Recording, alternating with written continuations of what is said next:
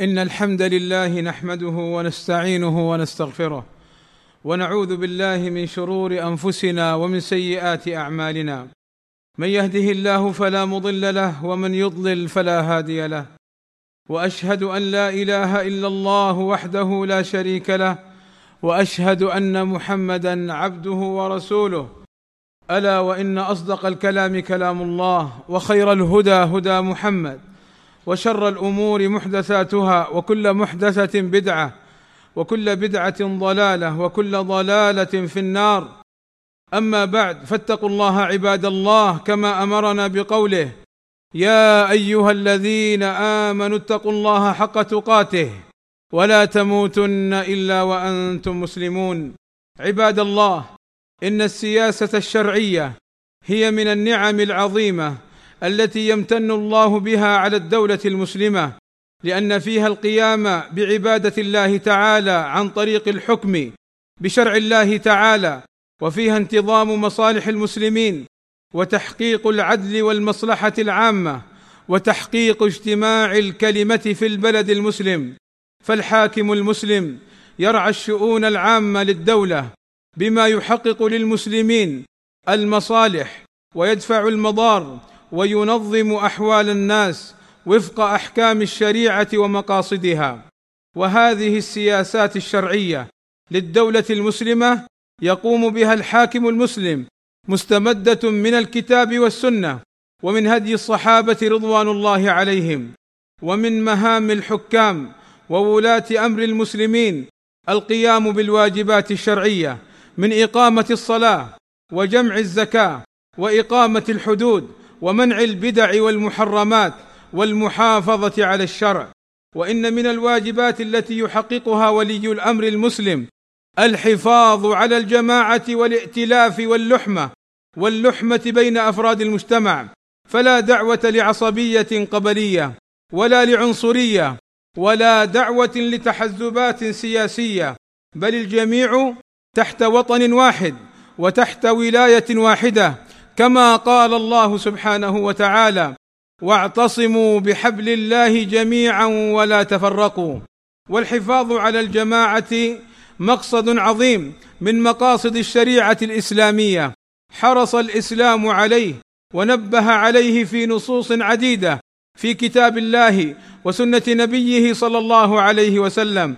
وإن من أعظم ما يحافظ على الجماعة في المجتمع المسلم هو السمع والطاعة هو السمع والطاعة لولي الأمر المسلم في طاعة الله تعالى. فبالسمع والطاعة قيام الدين. قال عمر بن الخطاب رضي الله عنه لا دين إلا بجماعة ولا جماعة إلا بإمارة ولا إمارة إلا بسمع وطاعة. فإذا عدم السمع والطاعة أدى ذلك إلى ضياع الدين واختلال الأمن والأمان.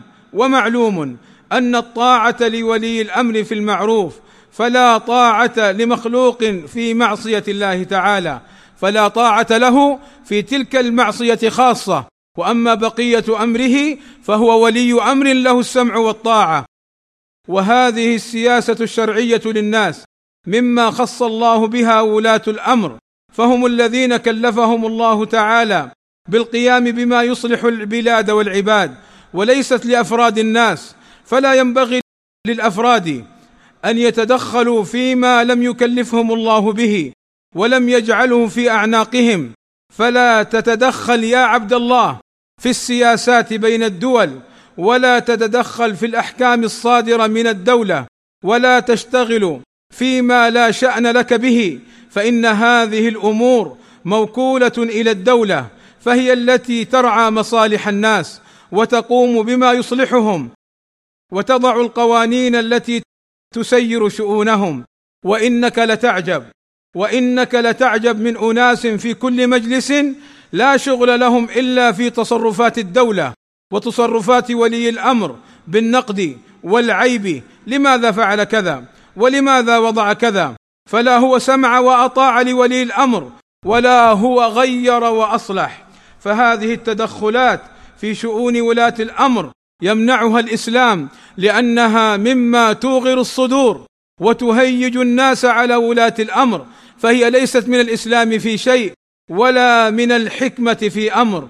ونحن في هذه البلاد بلادنا المملكة العربية السعودية لنحمد الله على ما من به علينا من ولاة أمر قائمين بالدين محكمين لشريعة الإسلام حريصين على حفاظ جناب التوحيد وحماية الأمة من البدع والخرافات والشركيات وإن وجدت بعض الأخطاء التي لا يخلو منها بشر ولا عصر إلا من عصمه الله تعالى.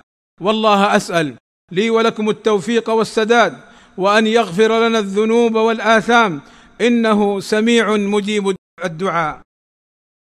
الحمد لله رب العالمين والصلاة والسلام على المبعوث رحمة للعالمين وعلى آله وصحبه أجمعين.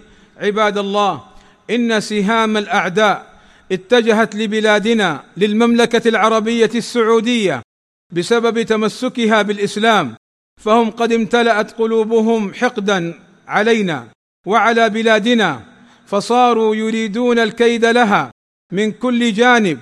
ولن يضرنا هذا إن شاء الله تعالى إن نحن استقمنا على شرع الله. وحافظنا على الجماعة والتزمنا السمع والطاعة ولا بد لكل مؤمن يعيش على هذه البلاد أن يسعى لاجتماع الكلمة ووحدة الصف ويراعي المصالح. فهي قبلة المسلمين ومهد الرسالة فلا يتصرف بأمر يخل بالأمن أو يخل بالجماعة ولا يستجيرنه الشيطان.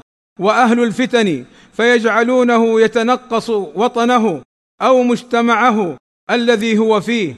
فإن دعاة السوء وأدعياء الإصلاح الذين يطعنون في بلادنا أو ولاة أمورنا أو علمائنا لا يريدون بنا خيرا بل يريدون تغيير ما نحن عليه من الخير والأمن. واعتبروا بمن حولكم من الدول كيف تسلط عليهم الأعداء لما اختل عندهم واجب السمع والطاعة. فانعدم الأمن وهلك الحرث والنسل. لا يخدعنك يا عبد الله من يحاول النيل من بلادك أو يقلل من هيبة ولاة أمرك. فإن هذه الدولة بحمد الله تعالى هي خير بلاد الله في هذا العصر. بل من قرون سابقة لم تات دولة تحكم بالشرع مثل هذه الدولة.